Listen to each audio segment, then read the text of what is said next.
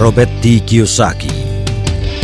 Secret to be Rich Tips bersama Tung Desem Waringin.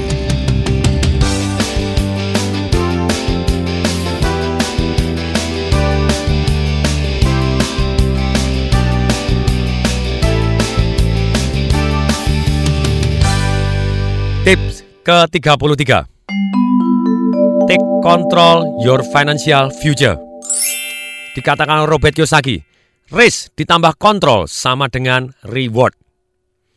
Secara umum pebisnis mengatakan bahwa risiko sama dengan reward. Semakin besar risiko semakin besar keuntungannya. Robert Kiyosaki menambahkan unsur penting yang lebih masuk akal Yaitu kontrol.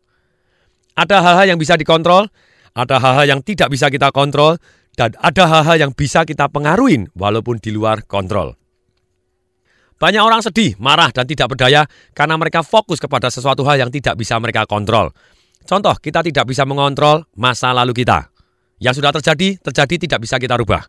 Siapa yang presiden yang terpilih, berapa bunga bank, situasi ekonomi, atau masa lalu kita yang sudah berlalu tadi. Ada juga yang di dalam lingkaran pengaruh kita. Seperti contoh, sikap orang lain yang bisa kita pengaruhi ketika kita berinteraksi, namun sikap orang lain, ini walaupun bisa kita pengaruhi, bisa jadi di dalam kontrol ataupun di luar kontrol. Sedangkan sesuatu hal yang di dalam kontrol kita adalah sesuatu hal yang bisa kita merasa pasti masuk dalam kendali kita. Kenapa investasi saham berisiko? Karena kita tidak bisa mengontrol pendapatan, pengeluaran, hutang dari perusahaan saham yang kita miliki. Misalnya, kita beli saham dari PT X dan direksi PT X memutuskan untuk membeli helikopter sebagai kendaraan dinas.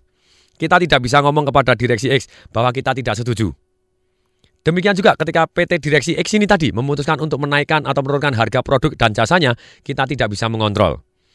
Menurut Robert Kiyosaki, kalau kita ingin mengontrol masa depan keuangan kita, ada hal yang di dalam area dalam kontrol kita.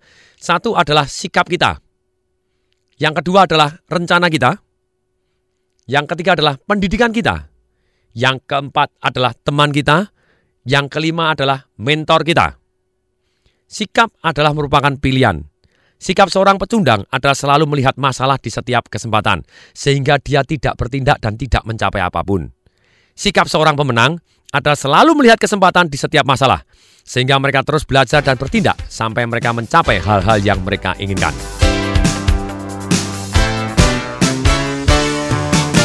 Demikian, semoga bermanfaat. Saya Tung Desem Waringin mengucapkan salam dahsyat.